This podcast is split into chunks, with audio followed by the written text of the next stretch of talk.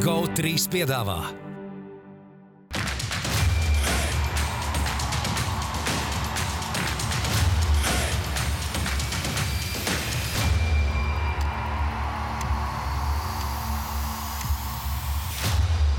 Ūdens zēļus piedāvā Betsafe, tavs sporta buklets numur viens. Citadele, vairāk iespēju un pro basketbolu.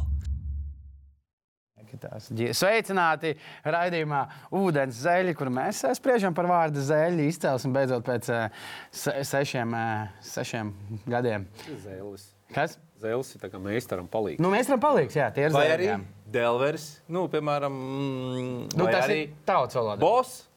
Bet šodien, jā, šodien zeļi ir četri bosi, nekāda meistara palīgi. Nē, paši galvenie - Gunārs Jonāns, Edgars Buļs, Artur Šēnos un es Rudolfs Kungrāns. Esam apakaļ no mājīgajām arēnas eh, telpām eh, šeit eh, savā ierastajā studijā. Mm, Un runāsim, ticiet vai nē, par basketbolu. Un šodien sanāks diezgan daudz runāt par eh, stūbiem basketbolistiem, un tas arī saistīts ar pro basketbolu dienas jautājumu. Jo Džāmorants, es domāju, visi, kas kaut cik seko līdz basketbolam, ir bijis tāds eh, karstākais eh, kartupelis, par ko runā ārpus basketbola laukuma. Šajā nedēļā tā tad ir sitis nepilngadīgo, vicinājies ar ieroci. Tagad jau arī esot izrādās ieroci, eh, vedis uz Denveru eh, komandas eh, lidmašīnā, kas tā tad liecina, ka tas ir vismaz 50 spēļu diskvalifikācija. Tādas ziņas pirms trīs stundām internetā parādījušās. E, jā, un tad nākamais, tas dienas jautājums par basketbolu bija, nu, ar ko vēl? Ar ko vēl mūsu tuvākajā laikā pārsteigs Džā Morants? Un atbildes ir diezgan daudz. Pastīsimies, gan jau bulīt, tur es iesaistīts arī tu. Un noteikti arī, o, aizies uz kukurānu izrādi un smiesies. Noteikti kaut kas tāds, tāds pārsteigts. Jā, Nocels bulīti un man. Uzrādās dabūjām 200 eiro dāvanu no Pro basketbola un piedalīsies Marta lielajā e, konkursā. Un tātad mums ir ā, četri cilvēki, kur februārī uzvarēja Pro basketbola konkursā. Un visi šie četri cilvēki. Bez tā, ka viņi ir dabūjuši pro basketbola dāvanu karti, cīnās arī par dāvanu no cita dalītas. Šis spēlētājs KP Hudijs ar KP parakstu. Ja? Jā, baigs mūks. Es nezinu, man spēlēkais ļoti patīk. Tā. Labi izceļās Kristapiņa paraksts arī. Man nav tāds. Tikai Vītols. Arča 20. Tas tu atceries, ka tu uzvarēji. Juris Porietis un Lauris Vecbārs, kas ir kaut kāda iemesla pēc atceros man šī mēneša favorīts un melnais punkts. Ja tad būs griezīsim vēlreiz, aiziet, dod man. Uh, Ā, tu pats tā ir visu? tagad es pats visu pamēģinām, ja? Ko es to izlaidu to pilsētu? Tas tā kā labāk būtu. Vai šī? Šī Nē, nē. Šitā? Tu zini, šitā? Nu, var baigt divi tā. Nu, labi, Nu, nu, labi, davai, nē, divi tā. Tur, tur pilspēle. Tur pilspēle. Šis nopietnākā uzzināt supernovs uzvarētāji. Tāpēc šitais mums kaut ko dabūna. Uz kuru pusi griezi? Šitā. Aizlidot? Šitā. Ok, nu aiziet.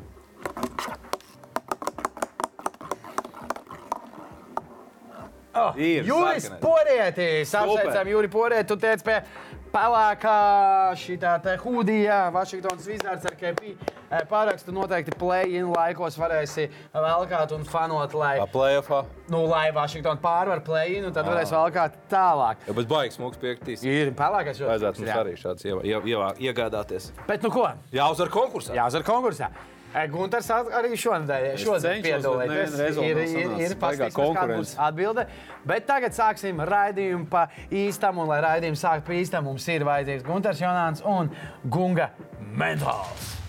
Jā, ko jūs darījāt tajās, kad nebija? Es tad nu, biju tāda neīsta raidījuma. Nebija. Pār, pāris neīsta raidījuma. Ir. Gunter.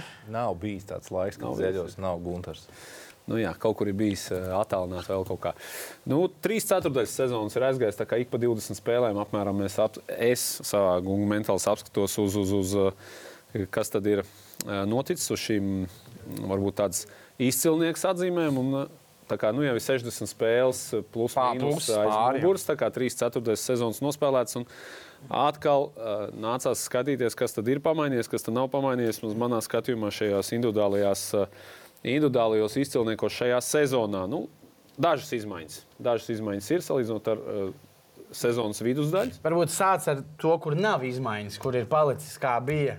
Tā bija, vai tu tā nezini? Nu, Ro- Rukijs ir palicis. Tad mēs sāksim, varbūt, ja mums varēs tā sapogāt, uh, kad sāksim jā, ar tām, kas ir nemainīgas uh, šīs izvēles, ar uh, gada debitants. Un, Ja mums pirmajās 20 bija Benedikts Matūrins, otrajā tajā pēc pussezonas Paulo Bankero, tad tagad pēc jau 60 pārnospēlētām spēlēm Paulo Bankero manā skatījumā arī ir uh, gada labākais debitants, rezultatīvākais debitants ar 20 punktiem vidēji spēlē, 4. labākais cīņā zem groza, 3. labākais piespēlēs ar 10 double-double. Viņš ir 3. starp uh, līgas debitantiem arī šajā statistikas rādītājā.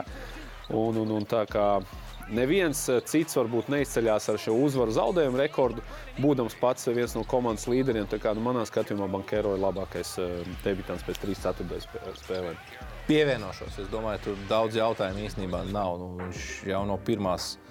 Pirmās dienas, principā, atcerēsimies, jā, uzreiz pirmās dienas, kad Orlando komandā faktiski viņam pirmajās piecās spēlēs bija iespējamāka statistika nekā Jordanam. Jā, tur bija ļoti, ļoti nopietni cipari. Puika ir jauns, puika uzreiz spēlē. Nu, labi, komandā iet kā iet, bet, kā jau minēji, ja neviens, neviens īstenībā rookies īsti nevelk, neviens, neviena komanda playoffs pagaidām. Tā kā es domāju, ka vienu kandidātu izteikt tā. Izsaka. Es domāju, ka uh, nu, 99% šis būs the Year, bet Jēlins Viljams no Oklahoma City Starp citu, pēdējās laikā. Sniegumu, bet viņš kā rookies iesāk tik lēni, ka tas varbūt kopējais apjoms nav savākts. Bet es vienkārši skatos svaigāko statistiku. Pēdējās divas nedēļas viņam ir 21 punkts, 5 bumbas, 5 piespēles, 2 pārķertas bumbas. Es to ļoti labi zinu, Šenīt, jo vienā fantasy līgā viņš man bija pretiniekos un iznīcināja Bet... mani. Faktiski spēlēja otrā raunda vērtību nesa par fantasy runājot mazliet vēlāk. Viņš atkal mēs parunāsim par to šodien arī. Tā kā, nu... Bet, Klau, dēļ šiem rūkījiem un vēl vienu, kurš viņš nespēlē šogad Oklahomā. Oklahomā tāda forša nākotne zīmējās. Ne? Nu, jauni talanti ir jautājums, kur, kur no viņiem spērs to soli uz priekšu. Un, jā, vai... beigās, kaut kad jau tie rūkīgi viņiem jādod jaunu līgumu. Atcerieties, Oklahomas labākais laiks bija, kad tieši trīs jā. tādi pēc kārtas salikās kopā. Vai te ir tādi trīs kā Durants, Veisbruks un Hārdens? Nu, nav, tādi, tādi nav. nav. Tāda. Zini, kā kuģa viena lieta jau ir, kad veidojās. Cik, zini, cik daudzām komandām visu laiku veidojās tie pīki, nu... uzkrājās un, un, un beig, beigās vēl nekas nesanāk. Viņiem, ir, viņiem jau ir viņi nu šobrīd, nu, tie spēlētāji. Bet par bankeru runājot par to, cik viņš ir nopietns spēlētājs, nu, var liecināt arī tas, nu, cik ļoti svarīgs viņš jau paliek Itālijas valstscenībā. Viņš ir devis akcents spēlēt Itālijas valstscenībā. Jā, es saprotu, ka jā, un, it, un Itālijas izlases galvenais treneris eh, Pozeko tur dejo, kā mēs zinām. Tā kā, nu, es domāju, ka ka Bankero jau es esmu pārliecināts, ka ja viņš pasaules kausā būs ļoti nopietns spēks, ļoti nopietns faktors. Nu, viņam visi ieroči. Bet, eh, bet Viņa tas progress sezonas laikā nav tāds. Viņš iesāk, viņš iesāk tā, ka grūti progresēt. Nu. Jā, spēlē sliktāk. Nu, piemēram, nu, Viljams strauji ir slikts. Nu, cik viņš nu, tur par divu punktu vai vienu punktu tur ir krities? Uh... Bet pasties, viņam procenti krītās. Nu... Viņš jau, nu tā, es teiksim, uh, maza vilšanās par viņu sezonas sākumā. Man liekas, tas ir Lebrons, kurš ienāca nu, labi, no labi, pirmās nu, dienas. Nu, Lebrons, Lebrons, nāk, Lebrons nākamgad gados, nākamgad 50 gados. Nākamgad viens Lebrons ienāks. Precīzi sakot, šogad ienāks. Šogad Ejam pie nākamās, mums nav, ir palicis nemainīgs no pussezonas apskati, ir aizsardzības spēlētājs. Labākais aizsardzības spēlētājs manā skatījumā vēl ar vienu ir Jārans Džeksons juniors no Memphis Grizzlies līnijas līderis bloķētajos metienos ar 3,3. Tas viņa karjeras labākais rādītājs. Memphisai ir otra labākā aizsardzība, tur pa 0,00 vienu vai diviem punktiem atpaliek no Clevelandas.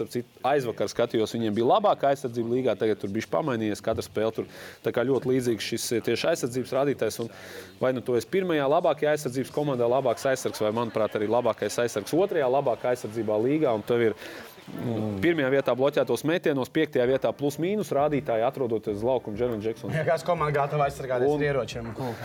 komanda. Sapcīt būs vairāk no viņa atkarīgs, varbūt arī priekšdienās nebūs pilnīgi. Un no Beina arī runājot par fanu. Un tā kā Džeksons ir defensive player of the year. Piekrīt, pilnībā piekrīt. 4. sezonā. Es domāju, tur, tur ir kāds nopietns konkurence par, nu, varbūt Jānis pats. Jānis, nu, es domāju, tas pats Evan Moblī var apstīties, kurš ir Clevelandā un Bruks Lopes, kur tur nu, vai nu viens vai otrs ar Jānu tur tu varētu būt. Īzāk tā kāds no Milvokieša. Un uh, nākošā balva, nu, tā svarīgākā balva, kas nu, atkal nemainās salīdzinot sezonas sākumu, es varbūt tik ļoti nenovērtēju Jokiču, bet Jokičs spēris soli vēl uz priekšu. Viņam tā jau bija karjeras labākie rādītāji Eh, rezultātīvās piespēlēs sezonas sākumā, tad tagad viņš ir sezonas gaitā to pacēlis uz divu ciparu skaitli. Desmit piespēles vidēji spēlē, ceturtais labākais piespēlētājs visā līgā, ceturtais labākais cīnītājs zem groziem visā līgā, 11,8. 25, nepilnīgi 24,5 punktu. Tur viņš stipri tālu, varbūt no līderiem 25 tikai, bet ar labāko procentu no visiem šiem top 25 uh, punktu guvējiem uzbruk. Un, uh, Nikola Jokic, triple double vidēji spēlē, un tas nekas, ka viņš iepriekšējos divus gadus, manuprāt, viņš būs, ja tā pabeigs sezonu, viņš būs trešo sezonu pēc kārtas. Nu, Kāda starpība, kas ir bijis iepriekšējos divus gadus? Tas, kas ir labākais regulārajā sezonā, tas ir. Piekrīt, ka Jokic ir labākais. teica, ka tāpat nočaukos plēfos. Tā, tā, tā tas varētu būt, bet pabeidzot par regulāro sezonu, interesanti, ka liekas, ka Jokičam varētu būt pat labākā sezona statistiski. Bet per rādītājs, pie, pie player efficiency index, ir mazliet sliktāks nekā iepriekšējā gadā. Viņam pagājušo gadu bija viņam. virs 32, nepilnīgi 33 punktu spēlē. Eh, Nu, tie player efficiency index, tas rādītājs, tad šogad ir zem 32. Nu, tā kā teorētiski, statistiski pagājušo balva, gadu Bet- Jokic bija labāks, bet tāpat tās viņš ir labākais šogad ar atrāvienu. Tā kā Jokic ir viņa iespaidīgākais vispār rādītājs. Karjeras efektīvākās sezonas aizvada Kentāvijas Kaldovs Pops, Ārons Gordons. un Tie jau nav jauni džeki. Padara spēlētājs apkārt sev labāk. es, es negribu kļūdīties. Visi izņemot Džamalu Marēju, tur ir karjeras sezonas tādā efektivitātes ziņā. Nu, tad, nu, tas ir džeks, kas padara visu labāk. Ziņas vēl iespaidīgāk par visu, ka viņam visās pašām ir pilnīgi ģitāra uz to, ka, kāda viņam tie cipari ir, kāda rādītāja. Galvenais, lai komanda kas ir labākais rādītājs. Viņš ir pirmajā vietā pēc plus mīnus atrodas laukumā. Galvenais, lai komanda uzvar, viņam tā kā tādā rotaļājoties, nu viņam tik viegli sanāk, o, triple double. Nikola, you are averaging triple double. Viņa reakcija bija, ugh. Nu, tā kā tas man arī liekas ļoti iespaidīgi. Tā divas izmaiņas ar iepriekšējo reizi salīdzinot, ka mēs skatījāmies, ar Kur ir konsekvence, Jonā? par ko tu runā. Nu, kur tu tur? Nē, bet viņš jau deva, tās bija pussezonas balvas. Cenas. Sestais, labākais rezervis ir Six Man of the Year. Iepriekšējā reizē es Jā, to devu Ne? Benediktam Maturīnam no Indiānas Pacers. Tas viss ir beidzies. Indiāna beigusies. Šobrīd šogad. viņš krītās, un līdz ar to līderu grožus pārņem Malkolms Brogdons no Bostonas Celtics komandas. Uh, 15 punktu vidēji spēlē, 4 bumbas, 4 rezultātus piespēles. 38 uzvaras, 16 zaudējumi. Viņam uh, sākot spēles no rezerves soliņa no šiem spēlētājiem, kas met tur 15 un vairāk punktu. Tas ir labākais. Nu, skaidrs, ka viņš spēlē Austrumā konferences uh, līderu līder vienībā. Un, uh, bet, nu, tāpēc arī viņš šo balvu iegūst. Es- Oponē. Ok. Nepiekrītu. Labi. Nepiekrītu. Es domāju, ka viņš spēlē būtisku lomu tikai tad, kad kāds tur savainojās. Un Nu, nav gluži tā, nav- nav gluži Viņš tā. nav tik stabils un tik labs. Viņš faktiski Šī statistika Es- ir tikai tajās spēlēs, kad viņš Šeit, nāk no šeit, viņš spēlē labi, kad viņš pats nav savainojies. Viņš ļoti bieži pats savainojas, kā piemēram tagad atkal izlaist divas spēles. Tad, kad viņš ir, no, ir pie pilnas veselības, viņš diezgan labi spēlē faktiski visu laiku. Nu, diezgan labi, bet ne labākais. Kurš no tad- rezervistiem. kurš tad labākais? Manuels Kuiklīs labāks. Vakarietis ir 38. Nu, tas ir tikai kaut kāds 8, 9 spēļu izrāviens šeit, kur Ņujorka ir atrāvusies pēkšņi pēc, pēc All-Star break. Nu, tas ir pēdējās deviņās spēlēs Kviklīs, un viņš pagājušajā gāja pamat pieciniekā nospēlēja 40. Iedosim iespēju Kviklijam, vēl ir 20 spēles regulārā Jā. sezonā. Paskatīsimies, ko mēs runāsim Dosim pēc regulārās sezonas beigām. Un treneris arī ir bijis pamainījies pēc Iedosim. Pēc pussezonas vismaz es un jūs man arī bijis tur piebalsojāt, Džekiju Vonu atzīmējot kā potenciāli. Nu, nu, es nevaru Nu, dot. Novērst laikam, ka nē. Ja komanda izjūg, faktiski sezonas laikā vajag grūti iedot tie gadi. Bet, kā, ja viņš arī šitos, te, kā saka, tās drupačas atkal salas. Un, Ja tie nu, kentauri sāks vinēt, tad būs jādod žākam. Manā skatījumā nu, šobrīd līderos ir izvirzies Maiks Browns, eh, Sacramento Kings komandas galvenais treneris, kurš starp citu 2009. gadā kā Clevelands treneris jau šo apbalvojumu iegūs. Šobrīd trešajā vietā Rietumu konferencē. Ja nemaldos, 37 viņa atlaidīs pēc tam. Nē, nē, nē. tā bija ar Toronto Raptors treneri. Savādāk. Tā bija ar Toronto Raptors Bet, ā, dabūja un jau bija. Keisijs. Jā, kad dabūja. Protams, ir komanda tur pamainījusies, bet eh, no pagājušā gada viņi ar 30 uzvarām eh, pabeidz regulāro sezonu. Šobrīd viņiem ir 37 uzvaras, attiecīgi pagājušā gada bija 12. Sakramento, šogad ir 3. rietumos. Es domāju, ka viena no tām trijām komandām, pa kuru dalību izslēgšanas spēlēs, mums nevajadzētu uztraukties, ja vien tur nekādas. Eh, Rietumu konferencē, kur, ja tur kaut kas savainojums, vēl kaut kas nav, tā kā nu, Par Phoenix tas atrodas. Phoenixu nē, un par eh, Denveru nē. Es, Memphis es teiktu, ka nopietns konkurence paliek, sāk palikt bats. Maiks Budenholzers, nu, Milvaka ir ieskriešies ārprātīgi. Februārī bez zāģiem 10-0. Tagad eh, martā 4-1, eh, pirms tam janvārī arī iespējams bilants pēdējās 23-4 ir bilants. Milvoka pārņēmuši vadību visā līgā. Nevarētu teikt, ka šogad tas veselīgākais gads. Middletons tā arī nav normāli iegājis ritmā, nespēlē back-to-back, Jānim regulāri savainojumu. Nu, nu, Bats parāda, ka arī ar šādiem, ar šādiem spēlētājiem komanda var rādīt labāko basketbolu līgā. Es nesaku, ka viņam ir jādod. Nē, nav jādod. Bet Es viņš- vienkārši domāju, tur, tas, nav, tas nav pārsteigums, Nē. ka Milvoka ir uh, augšā. Jā, jā, jā, bet- Sakramento ir liels pārsteigums. Ir trešā vietā. Piekrītu, piekrītu. Bet Bats, nu, ja, tu, ja komanda ir pirmajā vietā līgā, tad treneris ir kaut kādā vismaz perspektīvā jāizsaka. Noteikti. Bet Browns paliek pie savu. Sita Nu, dūru uz galda. Maiks Malons arī. Nu, labi, Jokic ir monstrs, bet nevaram teikt, ka superstarā apkārt būtu Jokičam. Labi lomas spēlētāji. Nu, jā, bet Kad ne beidzot, when superstarā. we will get help for Jokic? Nav, nav helps. Nē, nē. Kāpēc viss nav Nu, savs? helps jau ir. Ir viss. Varam turpināt. Raidījums ir kārtīgi iesākts. Raidījums ir Kā kārtīgi iesākts. Raidījums ir noslēdzies. Viss? Jā, tā. Nē, turpinājumā Citadels nedēļas MVP. Nu, kas Edgars pa kandidātu? Jā, nu šogad varbūt mazliet, eh, Šogad, šogad, šonedēļ. šonedēļ mazliet klusāka nedēļa. Eh, Ik pa brīdim ir kāds spēlētājs kaut ko izdarījis. Nu, piemēram, Kristaps Porziņš iemet 25 punktus un 5 bumbas uzvarā pār Raptors. Bet, nu, kas ir 25 plus 5? Viņš tur tricā arī pa brīdim. Jā. liek, jā, Man tur, šodien bija saruna viena. tur nekā Par nav. Kristapu. Es varu uzdot Stre- jautājumu? Pēc tam negribēju tagad. Nu, labi, pēc tam. Nu, šauju tagad, tad nu, bija Kristapa Kristapa. Bet Es nezinu, vai man tā liekas, bet viņš regulāri pirmās ceturtdaļas noplosās. un Jā, jā, jā. atkal. Pie metieniem Kādam netiek. ir kāds skaidrojums? Es, es starp citu, arī vairāk sakoju Vašingtonai, jo man tas Kristaps arī fantasy divās līgās. Es tik pa brīdim ieslēdzu pēdējo spēli, kas bija pusnaktī sestdien. Nu, trešā ceturtajā viņš izmet vienu metienu. Es, ne, es nesaprotu, nu, kaut kā tā bumba nenonāk līdz viņam. Nu, protams, kad Bīls ir laukumā un Kūzma ir laukumā, tas skaidrs, ka tur tāds bišķi cirks notiek. Nu, man tā kopumā spēle absolūti nepārliecina. Skaidrs, ka tas talants tur ir, bet vai tā Vašingtona, viņi, ne, tā, viņi arī jebkurā brīdī salūst. Tā komanda ir tāda, arī izskatās. Pie, atkal viņiem tā kā bija pluss, cik liels pārsvars un tāpat zaudēja. Nu, tas tā par Kristapu. Varbūt kādā jāparunā ilgāk kādā citā reizē. Cikmēr strēlniekam Jānim uzvarā Grieķijā 14 punktu. Aigaram Šķēlem, kurš pavisam nesen atgriezās Latvijas izlasē, 20 punktu polijā, 5 piespēles, 3 bumbas arī uzvar. Bet nu šajā nedēļā MVP balva atkal nonāk Rumānijā. Atkal? Man liekas, ka Blūmbergam mēs nedomājam bija, nedēļu. Un Andris Misters. Fantastiski nospēlēja savu klubu labā. 25 punktu, lielisks procents, trīnīšs, 6 no 9, 4 bumbas, 3 piespēles, bloķēts metiens un viņa Petro Lulu uzvar Lagūnas Haizivis. Pārliecinoši, un Andris Misters. Nosaukums uh, Lagūnas Haizis. Protams, jā, es biju es vēl pārliecināts, vai tiešām tā ir tā ir Rumānijas, Rumānijas līnija, vai es kaut ko neesmu sajaucis. Bet Lagūnas Haizivs arī Rumānijas līgā spēlē. Tā kā apsveicam Andri. Tu esi Misters Udenzeļš šajā nedēļā, jeb Citadels nedēļas MVP. Viss. Forši. Kas nogādās uz Rumāniju? Tu? Nu, tev mēs- mājām jāved, pie viena ievedīs arī Jānis. Rumānijā, mājas Rumānijā. tagad. Paņem at- vasarā, starpsezonā. Paņems pauzi. Kārtas Es, kalnus. es biju Rumānijā pirms salīdzinoši nesen, bet labi. Uh, karstie pipariņi un karsto pipariņi. Labi, sāksim ar šo, šo vienkārši skaisti. Uh, Grieķi, reliģiska valsts, un uh, jāatcerās ir arī būt pazemīgiem spēles laikā, bet jāatcerās ir arī spēlēt basketbolu. Un Grieķi to var apvienot uz celīšiem, mazliet palūksies un arī Bija labs. iemetīs. Es, mēs ar Arthuru komentējam šo epizodi. Es neatceros, ka tā būtu kāds iemetis spēles laikā.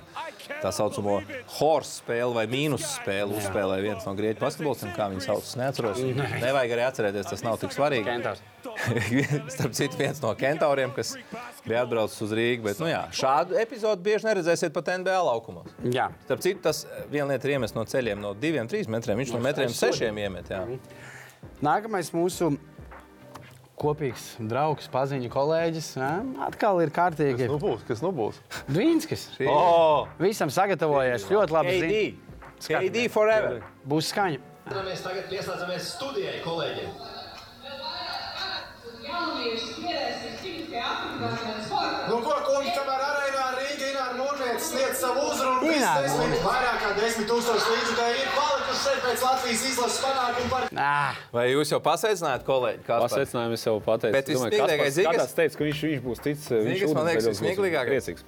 Kad uh, Ināra Mūžnieks bija nevis vienā iepriekšējā izglītības zinātnē, bet vēl tur. Tur ir- vēl kāds trīs apakaļ, vai kad viņi bija. Iepriekšējā mums bija Mūžnieks kundze, tagad ir Čakšs kundze. kāda atšķirība? Kādā? Aizsardzības ministrs. Pareizi tagad Dināra Mūrnēs, jā? Ja nemaldos. Ja nemaldos, paskatījos. Jā, pēc jā, jā. jā, jā. Nu, kāda, nu, tā kā sajūta. Nu. pasmieties par Kasparu, bet, ja man tagad būtu arī jāsauc tie ministri, nu es tur arī aizpildīju. Jā, jā, bet, nu, viņi Nē, mainās brīdī ļoti. Tā ir. Nu, ko, nē, tagad četras gadus bija tas salīdzinoši nemainīgi daudz. Tev ir viens no katras, bet no brīdī, kad tu to vadi to saucamo progr programmu, Bet, laikam vajag. un pastīsimies atkal uz, es šo saucu par Balkānu mīlestību. Bet mēs tāpat kā Kasparu mīlam visu. Jokic un Bobans.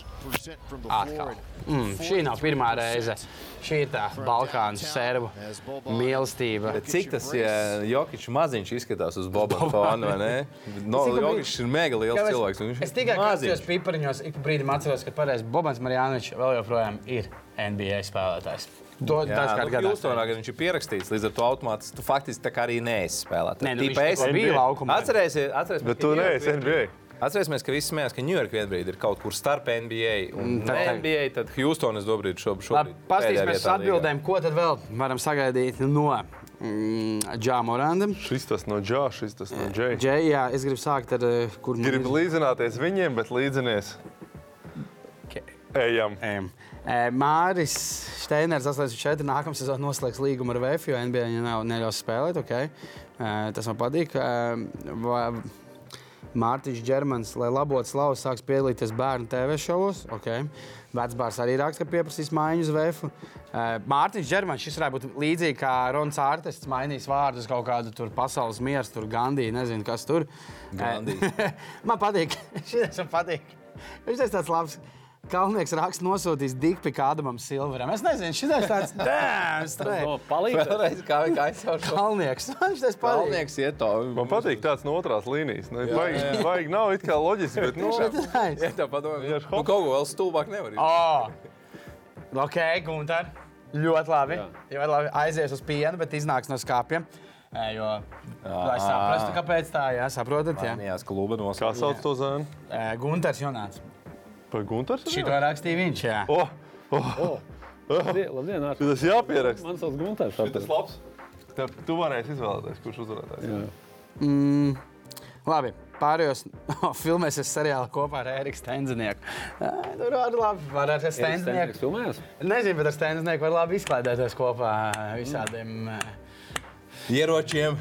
Sniegiem un tādām lietām. Eh, Jā, tās pagaidām atbildes. un Cold, man- cool divi. jā. Man pagaidām dikpiks ļoti patīk. Eh, Atgriezīsimies pēc reklāmas pauzes, un pēc reklāmas pauzes Jā, viņam patīk.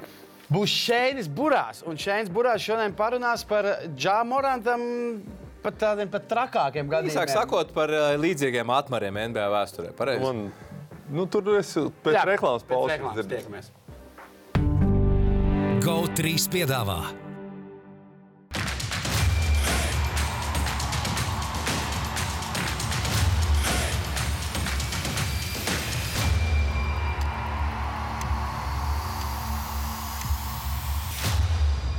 Ūdens zēļus piedāvā Betsafe, tavs sporta buklets numur viens. Citadele, vairāk iespēju un pro basketbolu.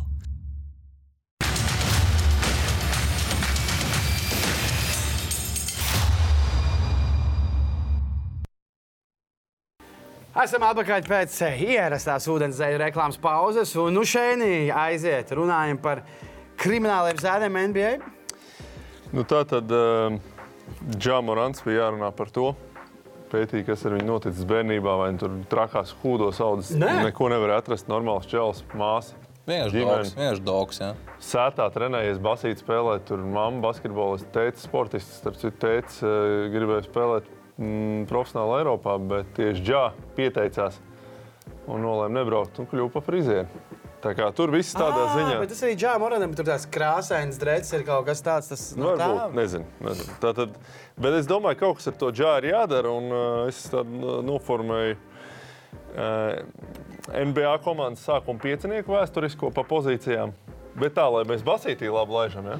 Bet no džekiem, kuriem ir bijušas nu, tādas. Tātad tu aizņēmies, uztaisīji atmaru NBA All Defensive, ne, bet All First Team. Jā, all first team. Jā, Tātad, blazers uztaisīja. tātad uh, vispirms mums jāsāk komandā vajag tren treneri. Un šo es biju godīgi sakot, palaidis garām vai nepamanījis vai aizmirsis, ka tāds notikums ir bijis. Bet Aizēja Tomas savā, savu laiku ir eh, vieno, vieno, eh, vienojies tiesā, atpirkties par 11,6 miljoniem. Tomas, Jā, jā, jā, jā, lūdzu. Nu, tas NBA čempions. Zīks. Tas, kurš izcīnīja tituls, aizēja tur bija? Kāds vēl var būt? Mazais aizēja nu, Tomas. Ah, nē, jā, es tas nu, tur treneris man vajag. Nu, jā, jā, jā. Treneris komandā. jā. Uh, nu, izrādās, bija. Nu, Uzmācies bija kaut kas. Tiesas Jā. uh, ties rezultāts nebija, jo jūs vienojaties tiesā, bet, nu, ja tu samaksā 11,6 miljonus, tad, no acīm redzam, Ņujorkas Niks organizācijā strādājot, bija tur.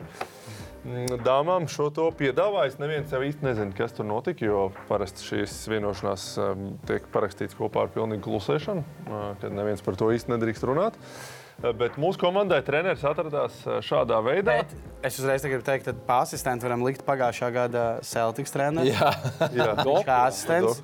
Un es domāju par tādu mārketingu un to seju, tad to Skotiju Pipena bijušo sievu. jā, jā. jā. Pagaid, Bet tad kluba īpašniekiem var mums kandidāti uzreiz. Tur ir vairāk. Oi, tur ir. Nē, tur pirmā ir Sterlings vecais. Jā. Līpers, Sārvers no Phoenix, tur arī Jā. labs assistant owner. Viņi kopā. Tur normāli džeki vispār. Es, es godīgi sakot, vienmēr skatos ar mazu skepsi uz šo, bet nu, 11,6 miljonu nu, tad kaut kam tur bija jābūt. Tas nebija tā vienkārši Nē, nu, izdomāts. tas Sterlings Kaut kungs kas. vienkārši brutāli teica, kāpēc vispār tiek, kāpēc tumšādainie cilvēki spēlē basketbolu. Viņš tā arī nespēja saprast, kāpēc Viņš ir redzējis kādreiz, nu, kā viņi spēlē. Un... Nu, viņš bija ļoti neapmierināts, ka, kad Maģiskais Džonsons bija ieradies vienreiz viņa spēli, tur sēdēja ložā.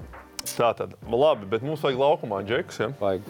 Un uh, pieciniekā, nu, protams, Džāmorants, kurš šobrīd ir um, Rudolfs jau uzskaitīja dažas no viņa nebūšanām, kas, ko, kas šobrīd Galinieks vēl viens. kas šobrīd ir oficiāli. Viņš ir uz divām spēlēm uh, diskvalificēts iekšienes komandā, bet viņš teica, ka viņam vajadzēs bijis ilgāk laika atk- atkopties. Ko tas nozīmē? Neviens nezina. Viss tas nozīmē tikai to, ka Tajus Jones paliek hot pick-up fantasy. Bet, uh, bet, ja izrādīsies tās, uh, tās lietas Tad par to, ir ka pistoles lidmašīnā tika ņemtas, tad, nu, tad Džā varētu arī šo sezonu laukumā vairs neparādīties. Kas, protams, ir nu, grūti izskaidrojams un to, lai kāds psihoanalītiķis veids, kas tad viņam noteikti Viņš jau tagad ir pats ir atzīst, ka viņam vajag palīdzību un ka viņš ir gatavs. Bet, nu, neko, nu, viņš Dunduks, atpūšas nu, un ko lai saka? patīk tēlot gangsteri, kaut gan nekāda īpaša sakara ar to nav. Un izrādās par to lāzeru lietu, tā versija, ko apgalvo tie, tad pret Denveru viņi bija spēlējuši. Indiāna. Eh, Pret Indiānu, jā, eh, pret Nembārds un vēl kaut kādu tur džeki. Ka, ka tas lāzerītis esot bijis arī ar pistoli. Viņš bija patēmējis uz viņiem, vai viņa džeks kaut kāds ar to lāzerīti, bet tur arī pistole esot bijusi. Bet, eh, bet taisnības labā lieta ir nolikt, jo nav nekāda pierādījuma, tur nekā to nevar. Nu, normāli tas Lieta nav, ka pacelties. NBA basketbolistam vispār tāds aizdoms par viņu šādas parādās. Jā. Vai Pierādīja vai nepierādīja. Eh, Viņam vajag komandas biedrus, protams, Vajag, protams. aizsardzības līnijā. No aizsardzības līnijā nu, mums vajadzīgs šūtings, arī tāds eksplozīvs spēlētājs. Savulaik, Šūtings vajadzīgs. jā, šūt, Vai metieni, tu domā? Vajadzīgs šūtings, un uh, viņa nedēļas ar uh, slavenākās nedēļas ar, ar likumu ir bijušas tieši saistītas ar šūtingu, pareizāk sakot, ar četru ieroču Enes kungu. tu Gar, gardrobē un aizsarg, aizsarg pārī Gilberts Arenas viņam sastādīs kompāniju.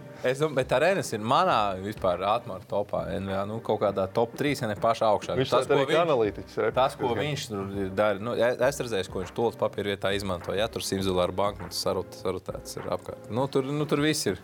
Viņš dara visu, nu, tā kā nevajadzētu darīt.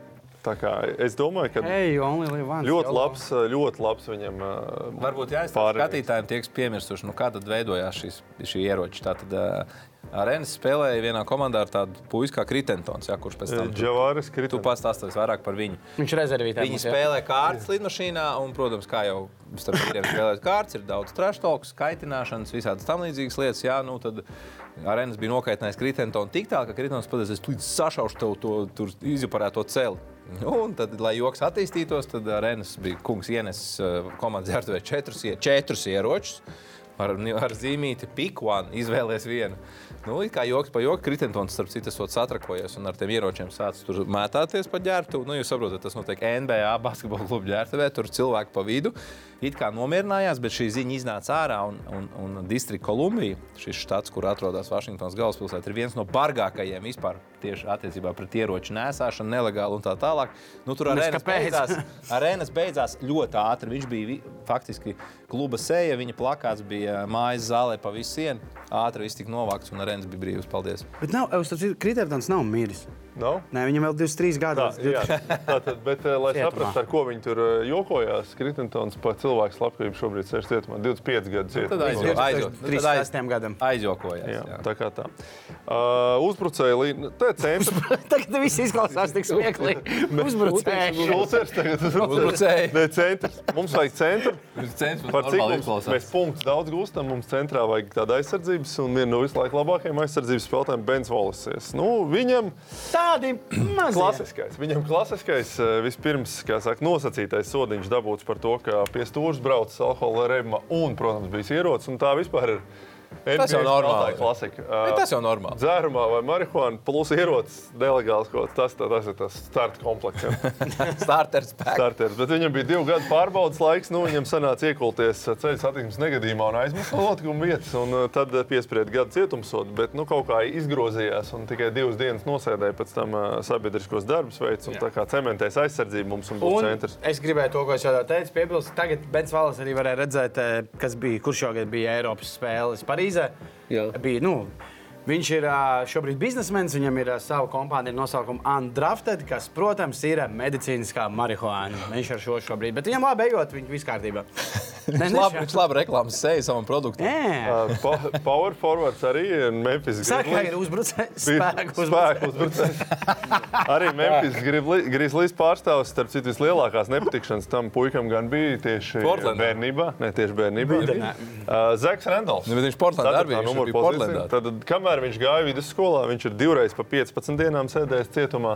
Abas reizes par zādzību, vienreiz par ieroču zādzību, un pēc tam viņi notirgojas arī. Vidusskolā, tas ir Jā, vidusskolā. vidusskolā. Tad 30 dienas arī mājas arestā pavadījis. Vēl joprojām vidusskolā. Mm. Vecāka Bet, arestā. godīgi sakot, pēc tam viņam nu, tur mierīgāk. Arests par komandas biedru piekaušanu. Arests, protams, ka tur, kur uz 20 drīkst jūdzēm braukt, tur uzrīkots dragreizes, trīsreizes sacensības ar mašīnām.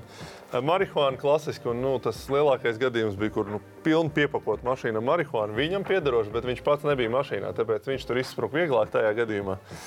Bet viņš to jau, viņš jau bija slavenajā Jailblazers. Bija, bija arī. Jā. bija arī. Bet kas ir jāsaka par Zeku Randolfu atšķirībā no kādiem eh, džarvisiem, kas tagad pūst cietumā? Viņš labi karjeru aizdīja. Viņš pēc tam arī izmainījās. Jā. Viņš tam kļuva viņam tur Viņa bērns, Memphisā un- ļoti cienīja. Viņam tā kreklu pacēla augšā. Jā, Viņš tiešām ā, nu, pieauga. Grit and grind. Nē, nu, Bens Volis jau nav tā. Nē, es saku, tāpatās kā Bens. Valas, tāpatās kā nu, pieauga, izmainījās. Un, jā, jā, viss kārtībā. Tur tagad cilvēkiem ir. Nu, mums centra uzbrucēji vajag. Nē, mums tagad centrs bija Ā, Bens Valas. Vieglais Vieglais uzbrucējs. Vieglais, parasti. Arī ar metienu no distances šāvējs. labs. Labi. Viss kārtībā arī tagad slaven, po- slavens kā saka, TV darbinieks. Nu, es teiktu, ka dzīvē savācies un viss kārtībā. Stevens Džeksons. Arī viņa, viņa, viņa, viņa tieši tas cietumsots, kur gan beigās nomainīja arī uz simts dienām community work, arī bija par to, ka viņam jau bija pārbaudas laiks par klasiku. Un uh, tad viņš kaut kādā sadursmītē uz ielas piecas reizes bija izšāvis gaisā. Viņam uzbrauca arī tā mašīna virsū, nu, ar ko viņi tur cīnījās mm, pretinieku. Un par šo, te, uh, šo te, neizdarību arī tāds cietumsots tika piespriests, kas beigās pārvērtās par uh, Es- simts dienām. Tā kā es esmu par šiem bēdbojiem interesējies daudz, es varu tā- tādu mazāku grārdās, man ik pa brīdim būs klāt. Tas, ka viņam mazliet patīk ieroči, viņam ir šitam te uz krūtīm ir tāds tetovējums, kur ir tā tāds mūķenes rokas salikts lūkšanas pozā, bet viņas pāriet tā kā ierocī. Ir tā kā tādas sākās ar rokām un beigās ir tā Ja kā kāds ierocis. skatījās vasarā, nu, kā Kārlim Lasmanim bija Three. Big Three, tad viens no pretinieku treneriem bija Stevens Jā. Džeksons. Nu, viņš tur uzvedās, eh, kā viņam piederētu tas Big Three. Nu, faktiski komplektā kopā ar Ice Cube. Nu, viņš bija ļoti pamanāms, ļoti Bet kas arī par viņu ir interesanti, es to viņās pārbaudīšu. Bet viņš ļoti ciena tajos klubos, kur viņš ir Un spēlējis. tagad viņš, man liekas, citu ir, uh, viņš ir pārgājis islāma ticībā. Man liekas, es pārbaudīšu, runājam tālāk. Bet man... Tā, uh, tad šis bija. Nu, pēc būtības tāds Piecinieks. piecinieks, tiešām arī labiem basketbolistiem, bet, nu, meklējot informāciju, es nevaru nepieminēt, ir tāds interesants Viņi nav manā pieciniekā, vienkārši tādai atslodzītai. Nu, nevar teikt, ka šis bija ļoti smags segments. Tā tad, nu, nevienmēr tikai, Jā, viņš pa ir to- islāma ne tikai noteikti. basketbolisti pa klasiku um, sēž cietumā. Nu, šogad, starp citu, šogad tas tieši tika um, notiesāti. par NBA Players Health and Welfare Benefit Plan izkrāpšanu. Alans Andersons un Ke- Kejons Dūlings. Ko, ko viņi izklāja? Viņi izkrāpa NBA spēlētāju veselības un pensijas. Tur, Jā. tur viltus traumas iesniedz visu kaut kādu. Un kad 20 čaļus bija saorganizējuši, kad dara, tur jā. piedalījās. Tas nice. Tātad Kejonam Dūlingam plus 2,5 gadu cietumā Alanam Andersonam 2 un viņam vēl jāatmaksā 500 tūkstoši, ko izkrāpa un 500 Bet tu Alana Andersona es ņēmis fantasy. Un Alanam, Anders. Alanam Andersonam 250 tūkstoši kopumā jādod atpakaļ. Tas tā, lai, ne, nu, lai nedomā, ka basketbols tikai tikai dzer un brauc un šaudās. šaudās. Viņi arī ir, ir izveiksmīgi krāpnieki, finansā, finanses afēri. Šitos cienu Tad ir eh, pats eh, iespaidīgākais, nu, ko es spēju atrast. Um, noziedznieks vai cilvēks, kuram visvairāk bijušas problēmas ar uh, li- likumu. Edijs Džonsons spēlēja līgā 10 gadus, no 77. līdz 88. 87. gadam. Bija All Stars līgas. Mm.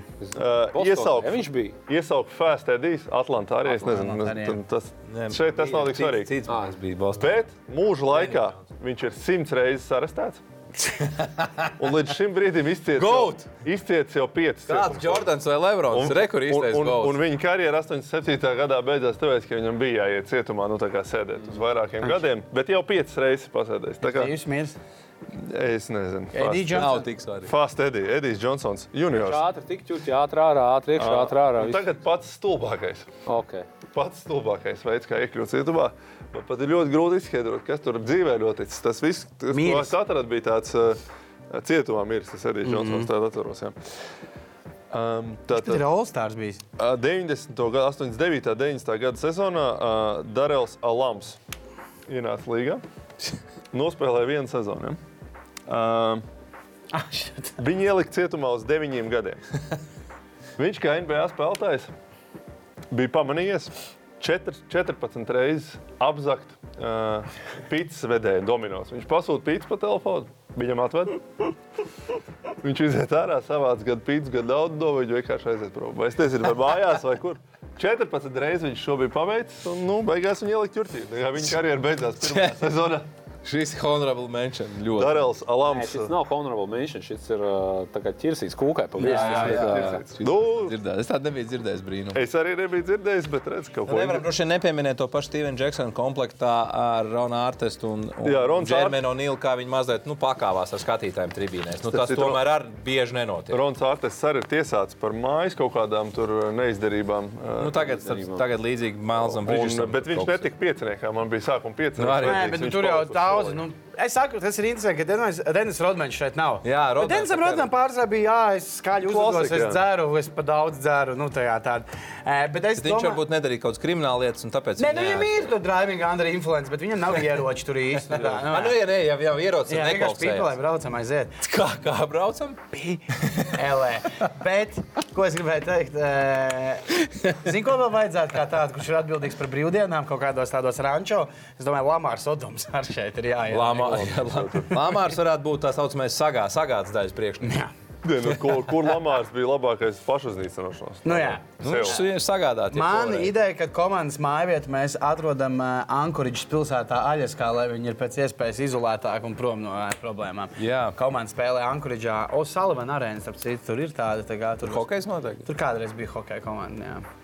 Nezinu, kāpēc tu zini tādu informāciju. Bet, nu, Jā, labi, turpiniet. filma bija. Filma par to ankorāžu. Nē, nē, tur bija par mistriem. Nē, nē, bet nu vispār, jā. Lai spēlē. Mm. Bet Rekus redz savā sarakstā vēstu, tad bija Delonta vēstu. Jā, viņš arī bija pie kandidātiem, lai tiktu. Bet uh, Delonte arī bija smieklīgs. Par ko viņa pirmais, uh, pirmais viņa turķis bija Delontem par zinko. Viņš bija braucis ar mocu, bet tas trīsriteņmocis. Un apturēts par nevainīgu lietu, kaut kādu agresīvu tur joslu maiņu. Un sarunas gaitā kaut kā atklājās, ka viņam tāds ģitārs, uh, nu, tas ietvars līdzi. Jā. Un to atverot iekšā bija Tur trīs- nebija ģitāra. Ja? Tur bija trīs pistoles un šotguns ar 116 patroniem. Es nezinu, kam bija gatavojies Delonte. Viņš uz šķīvis moški brauc. Viņš brauc. Pīls Es pieļauju, ka viņš brauc uz Bet bija- ar Lebronu māmu. Tas bija viņa, ir. jā. tas bija viņa pirmais, eh, nopiet, nu, pirmais, pirmā reize, kad Borī bija jāpasaka. Kūgra viņš gribēja atstāt iespēju. Bet, eh, zināmā mērā, par Delonte miers, jo nu, tur Jā, tiešām nē. cilvēks cīnījās, gan jau Jā. tie bipolāri. Nu, viņš arī objektīvi, nu, tas Nu, nu, ir- netiek viņam- piecinieks. Jā, Man jau Viņam, te viņam vajadzēja, lai laukumā Maikam izlēma paskatoties jau acu skatienā, redzēt, ka tur grūti dzīve bijusi. Nē. Labi, paldies. Man šis patīk. Es gribu izgriezt un laist pasaulē. Šis ļoti forši. Aļas, kas uh, bad boys komandas. Detroits bad boys stūrī neros pīpē, treneris galvenais ir no bad boyiem. Ah, nu jā, taisnība, taisnība. Jā. Uh, labi, mēs tikmēr uh, paskatīsimies, kā mums ir gājis BCF top 5. Un mums ir uh, jauns zaudētājs šo sezonu pirmo reizi. Ja? Vai nē, es minēju. Nē, nē, Skatāmies, kā mums gāja pēdējā nedēļā. pareizi. Kā mums gāja pēdējā nedēļā? Šeit iziet. Bols uzvar par 1,15 Rienai mašīna. 1,15. Apsveicu, iziet. Visu Ejam laiku tālāk. koeficients. Sans uzvar Pulītim pareizi, mums, ka iziet. nebija jābūt tam metienam. Ejam tālāk. Lūk, aizmet garām. Gungam iziet Barcelonas uzvar par Žalgiri. Es Tur tur vienā. ļoti gribu redzēt uh, Phoenix Man Dallas plēsoņu. neizgāja, bet Jā, man jā, ir viena alga, jo man viss kārtībā. Eh, Un skatāmies kopvērtējumu. Tāpat tās, ah, nē, būs Nu, Edgars, nu, Būs uzvar. Rudolfs Gunters un pa 0,1 vienībiņu Nē, bet starp Artūrs citu, šis zaudē. Tā ir tie ciešākais mēnesis mūsu prognožu spēles vēsturē. Tāpēc, ka 1,2 vienības starp pirmo un pēdējo vietu, un Jā. 0,2 vai 0,1 starp Bet tas nemaina to, ka tev ir jāmeklē labdarība. Kāds iedos, zini jau? Es nezinu, man tiešām jāpapēta. Es uh, pirms raidījuma. Tu domā, ka tu esi uzvarējis? Es, ne, es neatcerējos, ko jūs likāt. Bet, uh, Nu, nekas, at, atradīsim labu sporta labdarību un, un Kam tu ziedosim. bijās noziedot? Kraukļiem. Kraukļiem. Pats. Klāt. Es godīgi sakot, varbūt jūs varat padot idejas. Es zinu, ir TTT dāmas. Tas um, Klubs, jā. klubs, tas ir kaut kas tāds Uljans fonds. normāls. Nu, lai, ne, vienkārši, lai neatkārtotos. Jā, mm. Basketbola akadēmija Rīga ir. Tas nav. Labdarība tur nevajag uzskatīt. Nu, izdomāsim, nedēļa laika, nākamais zināsim. Eh, Tagad paskatīsimies, kāds ir mūsu jaunās prognozes. Pirms mūsu prognozēm Mr. C. iesaku šodien skatīties. Žalgiris Asvel, un jā, tātad ir dubultā nedēļa. 7. martā Žalgiris spēlē pret Berlīnes Alba. Un 9. martā pret Asvelu. Un šīs ir spēles, kas ir jāņem, jo šobrīd viņi ir mazliet ārpus playoff zonas, bet playoff zona ir tepat tās. eh, Tur viena uzvaras attālumā. Un, ja dubultā nedēļa, svarīgs uzvars, lai turpinātu Žalgiris cīnīties. Un arī, eh, kur viņš ir, eh, Šmita kungs man aiz muguras par eh, playoffiem. Ļoti labi, Mr. V. Ejam tālāk. Tagad jau mūsu prognozes. Artūrs prognozē, kad Maveriks uzvarēs Pelikans 9. martā 2-3 nostēs Žalgirīt pret Asvelu. Pēc tam skaties, kā Maveriks uzvar izbraukumā Pelikans 1,6 vienības. Tā vajadzētu būt. Pelikans vēl joprojām diezgan ar ievainotiem spārniem. O, Ļoti labi sanāca. jā. Malacis, Eh, Tas trenējies, gatavojies. Pagaidiet, es Raidi. Gunga, Olimpijākos uzvar Barcelonu. Es nu, liku pagājušajā uz Olimpijākos pret Milānu zaudēju. Pagājušajā gadā tu liki pār Barcelonu. Kāpēc tā, Gunga? Es lieku Olimpijākus mainiekiem. savās mājās. Nu. Un, bet es vienkārši šo spēli iesaku, tāpēc, ka tā, es domāju, būs super spēle. Jā, pirmkārt, mēs Jūs ļoti iesim arī pašu spēles. Protams, protams, protams. Sāns Maveriks mačs bija lielisks vakar. KD bija vakar 3-7 atsjēma. Nu, tad man interesē, ko tā Arthurs mums iesaka skatīties. Nu, Arturs. Volvs, pret ko šoreiz spēlē? Es jau ieteicu. Jau. Tu jau man Ah, pu- Bulis, bulis.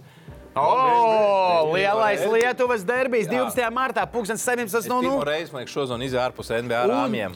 Atceramies. Lietuvas līgu vārdu skatīties GO3, un ir tiešām interesanti Nu, pastīties. starp citu, Žalgirim nemaz tik vienkārši neiet pēdējā laikā vietējā čempionātā. Skaidrs, ka viņi tur ir. Nav saspēles vadītāji. Nav saspēles vadītāji, viņi reāli noguruši no Eirolandes. Viņi mazliet Starp pietaupās. citu, būs divas spēles Eirolandā. un tad- Jā, Jā, tā kā var gadīties mazliet paklupt. Rīts. Trāka nedēļa. Es dzirdēju, ka Rīts arī trenējās divreiz nedēļā. Nezinu. Bet vai viņiem ir divas spēles Eiro? Rītā varētu būt čempioni. Viņiem ir, starp citu, arī rādījis GO3. Trešdien viņi pret Bonas telekomu mm. Vācijā. O, pret uh, to. E, Bonas telekomā, kas, šo, kur aizlasē viņš tagad spēlē, viņš kaut kādā priekškvalifikācijā kaut kādu vājo izlasi vilka. Es apstīšos, kur TJ Shorts tagad ir arī naturalizējies. Es toņās iziesim cauri un Rūdos Kugrāns, protams, drošā prognozīta. Labi, Clippers uzvarēs New York Knicks. Nu jāzaudē New York Knicks un beidzot Westbrookam ir jāuzvar kopā ar Clippers. Ah, jā, pareizi, bet nu turpinās tagad. Clippers. Grūtā cīņā uzvarēja Memphis. Memphis bez džā. Klausoties par naturalizāciju. Vienkārši Es pats pirmo reizi dzirdēju, domāju, ka skatītājiem būs arī interesants fakts, ka No. uh, tā, tāds modelīts, kā izlases, dažas izlases Eiropā, kā naturalizē spēlētājs. Viņi iedod viņam pasi. Bet ar noteikumu, tik līdz viņš nebrauc uz kādu čempionātu vai oficiāliem mačiem, tā pasē termiņš beidzās un pasi tiek atņemts. Ļoti labi. interesants modelis. Es nezinu, ka tā notiek. Lūk, ir viens uh, Maiks Džeims uz Latvijas izlases. Rekura Makalebu aiziet. Traumētie ar daudz. laika pasi. Traumētie daudz. Aiziet to TJ Shorts Maka- Makalebu un ir kļūst par uh, Maķedonijas. Maķedonijas amerikāņu profesionālu basketbolistu. Mm -hmm. Lūk, tā. Uh, lai jā, spēlē? karstais. Nē, nu, divi jau nevarēs. Domāju, ka kalps beidz, un tāpēc tagad ir. Jā, karstie pipariņi. Tā, Anteto kumpu. Tas, laikam, tāds kā basketbolists. Jā. Uh, dod padomu Kevinam Durantam. Ei, nu šīs labs. Skatāmies. Ļoti labs. These people this work. Kevin Durant, let's go.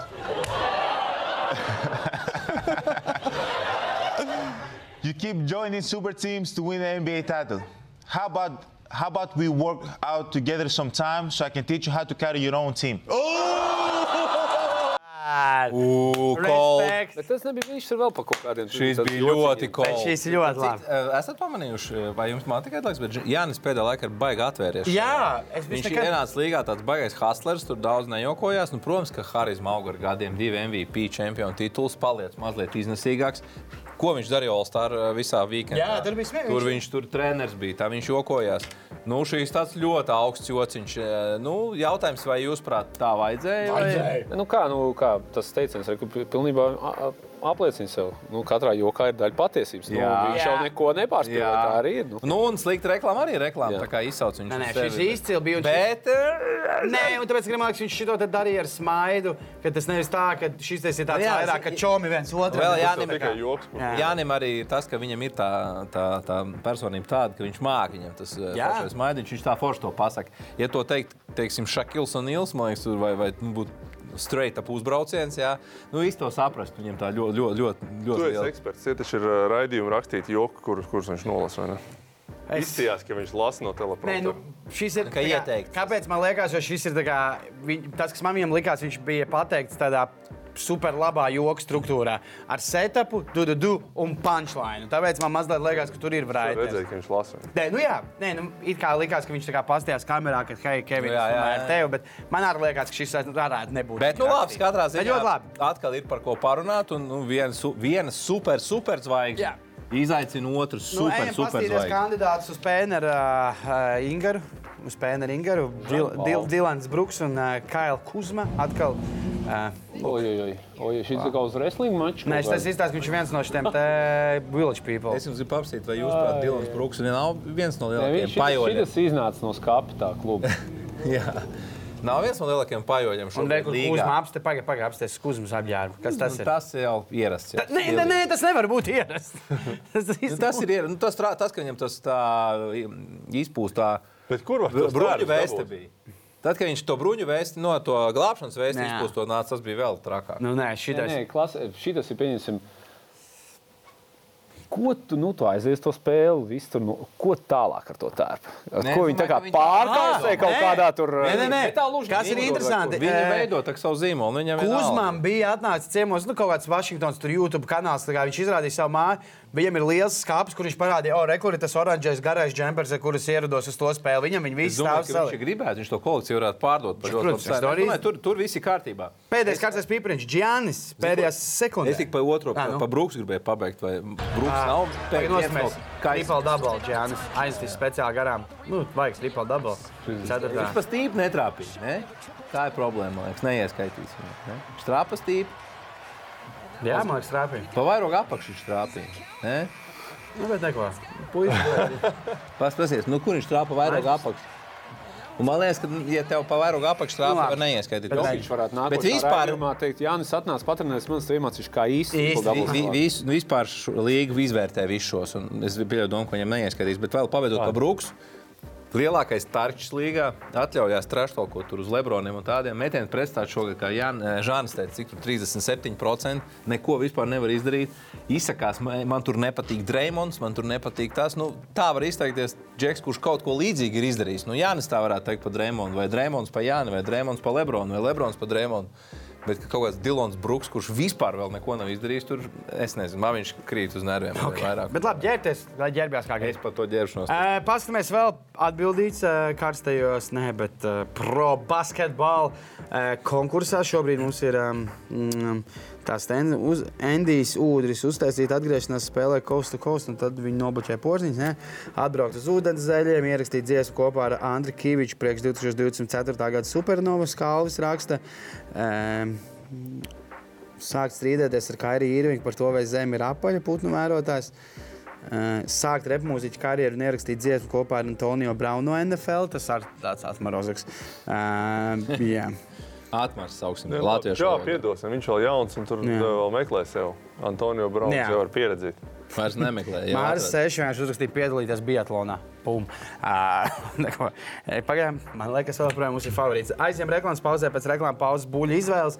Un Gunter Jonāna lietā mums būs Armāns no Fantasy, jo ir nedēļas Kaut ko pirmais saprot, kurš fantāzija mazliet saprot. Jā. Jā, tas pēc reklāmas. GO3 piedāvā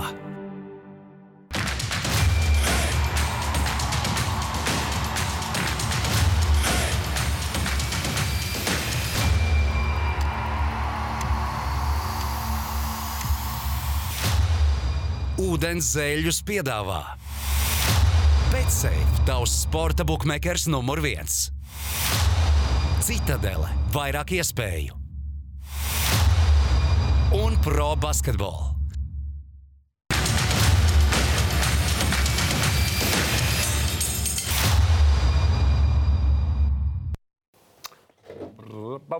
Un esam apakaļ no reklāmas pauzes. Pirms mēs pieskaramies fantāzijai, sākumā buļļa izvēles, buļļītes. Skatos, tu beidzot esi atkal pārlicies uz basketbolu. jā, jo pēdējā laikā neiet citos sporta veidos. Pieviļ man viss, kam vien nav, kam vien nav slinkums. Pieviļ City, pieviļ Hallands, pieviļ Šeins, pieviļ. Kā es pievienu? Labi, tu man vēl, vēl nepievilci. Vēl. Tātad pieviļ arī Novaks Džokovičs, uz kuru triumfu te Dubajas turnīrā es liku. Nepiedāvās, ka viņš US Open uzvarēs. Džokovičs uh, bija uzvarējis vairāk kā 30 spēles pēc kārtas sezonas ievadā vai uz hārda, precīzāk sakot. Bet, ja godīgi sakot, tādā sirdī esmu pat priecīgs par šo zaudējumu. Man ļoti patīk, kā, kā spēlē Daniels Medvedevs. Ļoti labs tenisists un pusfinālā viņš uzvarēja Džokoviču. No kādas valsts viņš ir? Nezinu, bet uh, spēlēja viņš labi tenisu. Tā kā Medvedevs tiešām trīs turnīrus pēc kārtas uzvarējis. Lai Tas tā. Runājot par to, ka pietiks tam Džokovičam uzvarēt. Bet labi, tas par tenisu. Atgriežamies pie basketbola. Kristaps Porziņš labi spēlē pēc All-Star break, uzņēmis apgriezienus. Es saku, ka nākamajās četrās spēlēs šajā nedēļā viņš gūs vismaz 100 punktus. Labi pretinieki, Pistons, vājākā komanda iespējams Austrum konferencē. Pret Hawks var uzskriet, kur varētu punktiņu vākties. Nu, pret Sixers varētu mazliet grūtāk iet, bet arī nav tā izcilākā aizsardzība kopumā. Redzat, kāds labs koeficients. Ie, pie, piemēram, iepriekšējās četrās spēlēs KP kopā gūta 94 punktus. Un šobrīd ir atkāpies Vašingtons rezultātīvāko spēlētāju sarakstā. Uz otro vietu ir Bredlī Bills. Bredlijam Billam 23,1 punkts, KP 22,8. Jā, bet cik Laiks to spēlēs? nolikt pie vietas. Es ticu, ka PKP ir man divās fantasy komandās. Playoffs sākās, ar Mando par to otrdien, varēsi. trešdien back to back varētu nespēlēt. tā. Spēlēs, spēlēs. Kur viņam jācīnās? Vašingtonā. Es domāju, ka nespēlēs. Viņš kaut kā tagad baigi nespēlē. Ko tur nespēlēs? Spēlēs Vašingtonā, starp citu, tikai pusotru uzvaru priekšā par desmito vietu cīņā par plēnu. Vašingtonieši te nepārāk labi spēlē pēdējās spēles, bet labā ziņa, ka Indiāna un Čikāga spēlē vēl sliktāk. Jā. Nu, nē, spēlē kopā ar Bulli un kļūst par. Ceļā rūpīgi. Jāspēlē obligāti BCF. BCF viņā redzat, BCF viņā jāspēlē. Jā, nu aiziet ar mani. Nu, ko, nu, ko fantāzijā parunāsim šodien par tādu? Nu, man liekas, ka menedžeriem, tīpaši sprie- spriežot pēc mūsu LFL menedžeriem, mīļākais laiks, tāds nu, gaidītākais ir drafts. Drafts, kurā arī savā ziņā tu visvairāk vari. Drafts tagad jau ir. Nē, nē, es vienkārši par draftu. Nu, tā Ai, kā es mēs sapratu. secīgi ejam Sorry, sorry. pa, pa fantasy. Jā, par, ā, par draftu tas ir tāds būtībā, kur tu vari visvairāk ietekmēt. Tu vari, jā, ir cita menedžera, kas arī draftē tos spēlētājus, bet būtībā tu ietekmē to, ka ir tava izvēle. Tu izvēlies, teiksim, maiņas darījumos. Tev ir jāgaida, ko tas menedžers darīs. Viņš apstiprinās, ņems, dos kaut ko pretī, citādu. Bet nē, draftā tu izvēlies tos spēlētājus, kur ir pieejami un kurus tu gribi. Par draftu tādiem variantiem, kāda drafta veida var būt. Pirmais, populārākais, manuprāt, ir snake, jeb čūskas stila drafts. Tas tāds, ka, nu, kā teiksim, bērnu grāmatās teiksim, zīmē čūsku, ka viņa vijās no vienas uz otru pusi. Tad pirmajam, kurš ir nejauši salozāts, ir pirmā izvēle. Tad 2, 3, 4 līdz, piemēram, kā LFL ar 12 komandas līdz 12. Otrajā kārtā 12. ir pirmā izvēle, un tad uz otru pusi un šādā veidā vijās līdz pat pēdējai kārtai, kad, piemēram, mūsu līgā ir 144 spēlētāji, tad 12 komandas un 12 kārtas. Diezgan draftā. godīga sistēma, vai ne? Pēc loģikas. Visgodīgākā īstenībā ir tāds reverse vēl, kad uh, maina tā kā mm, parasti tā, ja nemaldos, otrā kārta, bet arī citur var būt, kad samaina secība. Ir uh, pirmā kārta vienā secībā, un ir vēl viena kārta ar apgrieztu secību. Tad tur kaut kā izlīdzinās, nepateikšu, tagad sitienu kā tur tieši izlīdzinās, bet uh, tas izlīdzinās. Izlīdzinās, bet tur ir. Uh, Kaut kādā brīdī tam, kurš izvēlās pirmais, ir lielāks pārspēks. Nu, viņam visu laiku ir vairāk tā Nu, priekšroka. Pēdējos raundos, jā. Bet no otras puses, pirmais, pirmās kārtas uh, izvēlētājs izvēlās 144. izvēli. Jā, bet viņam sanāk vairāk tās priekšas, kaut kā tur bija. Es negribu teikt, samalot, bet uh, ir karaversā, piemēram, ir tāds slavens fantasy pasaulē, Džošs Loits. Jā, jā. Viņš savas līgas reversā taisa tādas nu, super nopietnas līgas, viņš reversā vienu raundu taisa. Jo, nu, protams, ka neviens nav sūdzējis, ka viņam ir drafts pirmā izvēle. Nikolai Jokičs, piemēram, ir tavā komandā, kurš vienkārši Tur ir baigais pārspēks, jo reāli Jokic, Nu, Jokic- gada no gada viņš stabili. Pēdējos trīs gadus, jā. Pirms tam bija Hārdens, tāds, tad tur Karijs vienu gadu faktiski vienpersoniski nes ārā. Visu. Labi, nu nākamais par tādām lietām, kas jāatcerās pirms drafta, gatavojoties drafta laikā un tam līdzīgi. Nu, pirmais, ā, kad drafts notiek? Es to dalīju par tādiem pāris posmiem. Ir vasara, teiksim, ir agrās līgas, kad ā, augustā draftē. Tad būtībā ir svarīgākais, lai tu būtu izsekojis visiem čaļiem lielajiem, kas ir parakstīti vasarā. Kāda līguma, teiksim, ir liels līgums, skaidrs, ka viņš spēlēs daudz vismaz sezonas sākumā. ā, Kurš ir kurā komandā, kādi tur ir priekšā spēlētāji, kam viņš tiks priekšā, par ko viņš cīnīsies ar minūtēm. To ņem vērā, ja līgā drafts ir kaut kādā augustā. Ņem vērā arī varbūt kontrakta gads, tas vēl labāk ir. Arī, arī īstenībā, īstenībā pēdējais kontrakta gads bieži vien pat ir vēl trakāk, kad spēlētāji izšauja, un, lai tiktu pie jauna kontrakta. Jā, Dramondam šis tāds gads bija. Kam tur vēl izšāva? Džilžisam Aleksandram šis nav kontrakta gads, kā tik kaut ko es tādu dzirdēju. Varētu būt. Mūsu kolēģim Misteram V, man liekas, ir jau. Jā? Nu, tad nākamais, kāda veida līgā tu piedalies? Roto, runājām iepriekš, punktu līga, kategorija līga, tās trīs populārākās. Nu, katrā tās savas nianses, teiksim, katru kategoriju līgā ir skaitāmā statistika un procenti. Piemēram, mūsu līgā metieni no spēles un soda metieni. Roto līgā būtībā nav tādas prioritātes, bet ir tas, ka tev jāņem vērā, ka tu vari ņemt tādus, kuri izlaiž spēles un kur traumējas vairāk. Jo Roto līgā ir uh, spēļu ierobežojošais skaits, kurā ir jāiekļaujas. Tas nozīmē, ka visā spēlēs viņam nav jāspēlē. Piemēram, paņem tādu Jimmy Butleru. Tu zini, ka viņš izlaidīs back-to-backus būtībā ļoti bieži. Vēl kāds traumas, vēl kaut kas, bet uh, viņš viņu var ņemt. Jo tu vari kaut kad var nosēdināt malā, ok, lai viņš tur sēž. Es uzlieku kādu, kurš atkal ir vesels, un man tas game caps aizpildīsies, tas ierobežoto spēļu skaits. Nākamais, kas būtu jāņem vērā, cik ir tās komandas, cik komandas ir līgā, cik spēlētāji komandā, kā minēja LFL, 12 komandas katrā grupā, katrā līgā var teikt arī. Un katrai sastāvā 12 spēlētāji veselajā sastāvā, plus 3 traumēto. Tad tas nozīmē, ka ir 144 spēlētāji draftēti. Ā, Saprotu, to, kurš tev ir draftā piks. Teiksim, piemēram, tur trešais, otrajā raundā tas ir kaut kāds 15. Un tad jau tur rēķini, uz kuriem pikiem apmēram kuri spēlētāji ies, domā savu plānu ko tu apmēram ņemsi, kā tu būvēsi sastāvu, uz kurām kategorijām teiksim, vairāk saka, spiedīsi. Un tā tu vari pareiķināt to visu draftu, zāriņu, to čūsku vai, vai, vai, vai ko tas ir. Un, uh, Izprast, kā tu apmēram draftēsi. Starp citu, nepieminēju, ka ir otrais variants, kā var draftēt, ir uh, izsoles drafts. Izsoles drafts arī ļoti interesants. Tas pat ir tāds vēl spraigāks, vēl spraigāks nekā čūska. Uh, tur ir budžets, tur teiksim, arī čūska stilā tikai nominē, nominē spēlētāju. Tas ļoti labs. Un tad kā liek to likmi. Liek likmi katrs menedžers, un kurš vairāk uzsola, eh, tas arī iegūst to spēlētāju. Tas ir nu, būtībā vēl interesantāks. Mēs tā kā domājam īstenībā šogad ņemt, eh, likt klāt LFL šo izsolīti. eh, Bet nu, tā kā nesaņēmāmies. Mēs domājam, būs pārāk traki. Varbūt daudziem kaut kāda baigā nes nesaprašana būtu. Kā izdomājat, kurš, kurš ir labāks? Es Esat... tādiem Masveidīgām līgām čūskas Jā. traps ir labāk. Tas jau ir tāds advancētākiem. Tādiem īstiem meistariem, kas, kas teiksim, vairākus gadus jau spēlē un grib sās- sa- pacīnīties draftā, jau tādā citā līmenī, nu, te tiešām nāk. Jā. Faktiski nāk tādas ģenerālmenedžera funkcijas tam konkrētam menedžerim. Jo nu, arī NBA lielajā basketbolā tev ir salary caps, kurā tev jāiekļaujas algu griezt. Nu, arī šeit tu nevari paņemt visu kaut kādus spēlētājus. Nu, tad arī tev būs jāsāk domāt, ja tu gribi to jokiču, nu, tu esi gatavs solīt pusi no Nu, sava nu, budžeta. jā, nu, jā. Varbūt elites divīzija īstenībā būtu labs. Elitē, starp citu, Elitē vari varētu. palaist, jā. Tas būtu labs. Jā. Un nākamais laižam pie mēneša vilšanās. Mēneša. Elitē.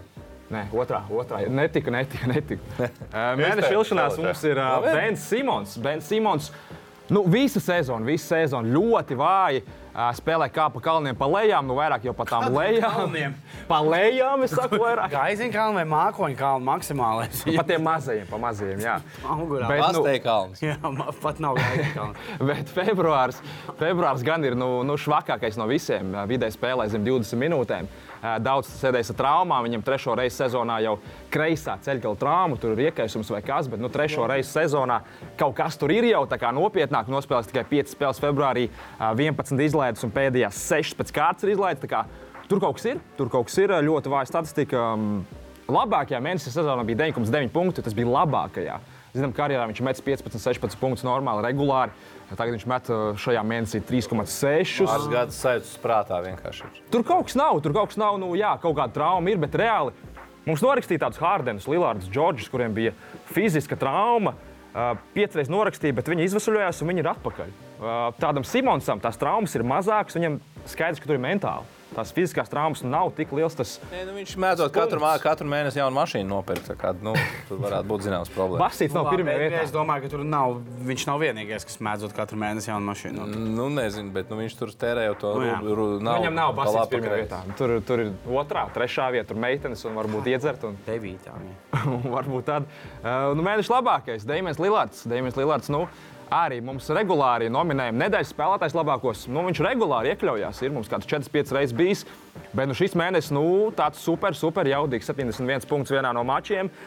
Komandai ar uzvarām tā gan negāja. 4 uzvaras, 7 zaudējumi. Arī komanda tikai 13. Zītam no nozīmes. Jā, Nav nozīme, nav, nu, bet tā labi pieminēt. tā ir dažas līnijas, kurās Jā, nu team tāda- wins arī skaidrs. Tādu var ielikt, bet nu, pārsvarā nav. Jā. Uh, 13. vietā rietumos Portlandai kaut kā neiet, bet tur ļoti cieši. Tur ļoti cieši viņiem pāris uzvaras, un viņi var uzlikt turpat līdz 5. vietai, garām Phoenixai. Tā kā, bet, nu, Lillards, 32 gadi, nepilnos 33 gados, vēl kādu nu, pāris mēnešus būs 3-3. Uh, labi spēlē. Visvairāk punkti karjerā šajā, šajā sezonā, labākais procents metienos no spēles 47, kā arī 4,3 tālmetienu iemest vidē spēlē, kas arī labākais rādītājs viņa karjerā. Tā kā, nu, patiešām tādā vecumā likās arī norakstīts. Tur vēdera trauma pagājušajā gadā fantāzijā vispār pazuda, draftā nokrita uz otro kārtu. Un beigās šī tā māca. Uh, nu, pēdējais, pēdējais te par atmariem runājāt, par, par Džāmu Rantu, par vēl, vēl tur čaļiem. Nu, par Artūru. Par Artūru. Vienīgais mums LFL līgā, otrajā divīzijā, B grupā spēlē Bērģu atmari. Iesāka. jā? jā, jā, jā. jā. Izvēlējās to nosaukumu. Uh, bet nu, viņš pārņēma komandu decembrī. Decembrī mums tur pajuka attiecības ar vienu menedžeri uh, pirms Ziemassvētkiem. Uh, komanda tobrīd bija ārpus playoffiem. Nu, pārāk labi negāja. Bet, nu, šeit tev Arthurs paņēma komandu. Uzreiz daži maiņas darījumi aizsūtīja Kevinu Porteru junior. Tādu, nu, Fantasy tāds slīpētājs. Viņš to blīvi, kas slīpē nos, tad arī visu noslīpē un komandai neiet. To viņš aizsūtīja prom, paņēma Šengunu, citu no roketiem, kas ir nu, stabilāks, jaunais. Būtībā kā paņēma Arthurs. Lāčai Barret aizmainīja pret um, Jakobu. Poeltu, jā. Ko vēl tur es neatceros. Jā, jā, jā, es arī gribēju teikt to pašu. tagad savu komandu, kas tur notiek. Un tad, jā, komanda iesāka ar sešiem zaudētiem dueļiem pirmajos deviņos pirms Arthūra. Un tad Arthurs ienāca komandas tiltiņā, teiksim, un to sāka komanda būvēt pa savām. Un iekļuva plēsofos, bija tur pat 5, 4, tur sezonas beigās, pabeigts 7.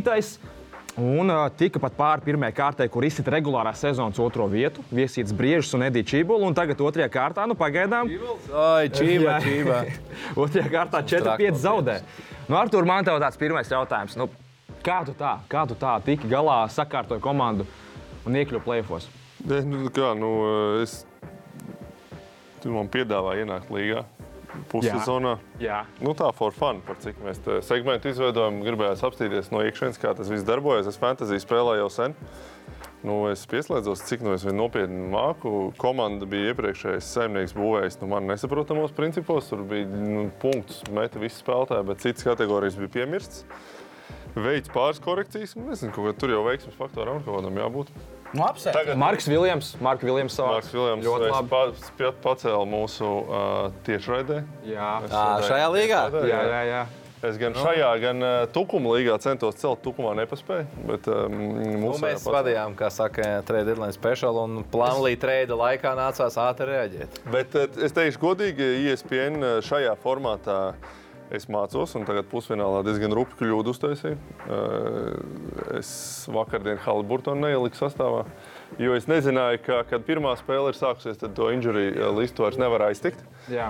Es smuki apsēdos pusstundu pirms spēles, tā liekam, viss iekšā izskatās, ka viņš spēlēs, un man saka, hops, nekas nenotiek. Tā Haliburtons Tā diena bija sākusies jau. Tā diena jau bija sākusies. Tā kā Haliburtons man vakardien izlaida, diezgan labi nolaida. Tāpēc uh, tā varētu būt problēma. Nu, redzēs, nu. Mūvi gandrīz ir iztērēta. Man viens palicis pretiniekam, neviens. Viņam kādas četras spēles vairāk atlikušajā nedēļā. Ja procenti sagriezīsies, var arī vinēt un tikt finālā. Bet es saprotu, ka viss ir kārtībā, jo pirmais četrnieks tiek uz elites divīziju. Jā, tieši gribēju minēt, jā, jā tu nākamā gada garantēsi vietu. Divīzijā tu esi. Man ielika uzreiz otrajā. Ā, un tagad tu Un būsi es elitē. Uz elites. Jā, jā, ļoti labs sezonas beigas Arthūram. Salikās viss, labi nostrādāja, norēģēja, ko Marks, Marks Viljams savāca. Un tā, nu, ticis ir Elvis divīzijā. Bet nu, pēdējais, ko es gribēju piebilst, pirms mēs beidzam par LFL, fantasy un tā tālāk. Mums debitē šogad Formula 1. Formula 1 fantasy esam ļoti, ļoti daudz. Sadarbojamies ar F1.CLV. Valdis Putniņš, zinat, podkāsts tas ļoti populārs. Ā, Kopā ar viņu izveidojām un, teiksim, visu F1.CLV. Būs izskatās pēc Kurā, kurā platformā ir? Jā, Aštons Mārtiņš Labs. Nu, nē, bet nu, jā, nu, būs super interesants sezona par 4. līdz 8. Kurā, kurā platformā spēlē F1? Oficiāli F1.CLV. Ziniet, kāds Maksam Verspēnam ir emocijas, tagad uzvarot sacensību, viņš tīm rēģio apmēram tā kā, jā, nu super. Forši. Paldies visiem. Jā, labi, vai ejam mājās. Tā. Jā, es Cigos, lasīju. cigos kotlets būs. Jā. Es lasīju pēdējo desmit apļus, viņi nogrieza to jaudu, ka viņš reāli varēja sekundi ātrāk braukt. Un, nu, vienkārši. Bet vakar, gan tā pirmajā posmā, atgriezās tur Alonso. Viņš, viņš, tik, viņš gan tīm rēdīja, viņš trešais bija vakar. Viņš tur vienā brīdī viņš tāds, oh, what a lovely car to drive. Tad viņš apzina kaut ko, viņš tāds, eh, ko viņš, ah, ka viņš apzina Karlos Sainz, un viņš uh, rādīja, ka viņš tā, bye, Karlos. Jā, Alonso izklaidējās. Tas forši. Jā, un tā esam vairāk kā 600. Uh, tur bezmaksas dalība droši. Pirmais posms ir garām. Latvijas 600 cilvēki. 600 kaut kādi 40. Jā. Arī F1 podkāstam atpalicēja ir sava F1 fantasy līga, bet uh, mums nav bezmaksas dalījuma. Uh, ko mēs Tā konkurence, konkurence. Bet, nu jā, tā, kā, tā mēs finišējam šodien par fantasy. Super, paldies! Labi. Tev. Armād, mēs finišējam arī ar uh, uzvarētāju pro basketbolu. Konkursā starpsezonā ar mājas darījumu uz Valmieru dosies. Okay, man īstenībā patīk. Ko kam dodam? Un tur jau viens kandidāts tikai bija. Tur tas Kā kalinieks jādod. Jā, kā Kalinieks. kalnieks vai kalinieks. es nezinu, Ā, kā Tā tad uh, Dikpiks, ja? Jā.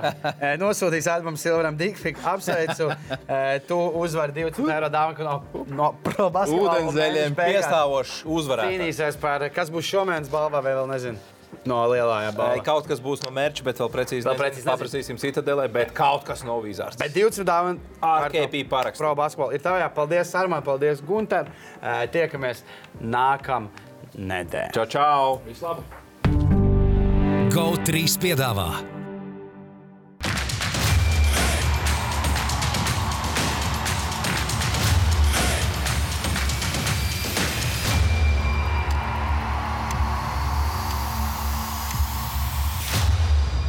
Ūdens zēļus piedāvā Betsafe, tavs sporta buklets numur viens. Citadele, vairāk iespēju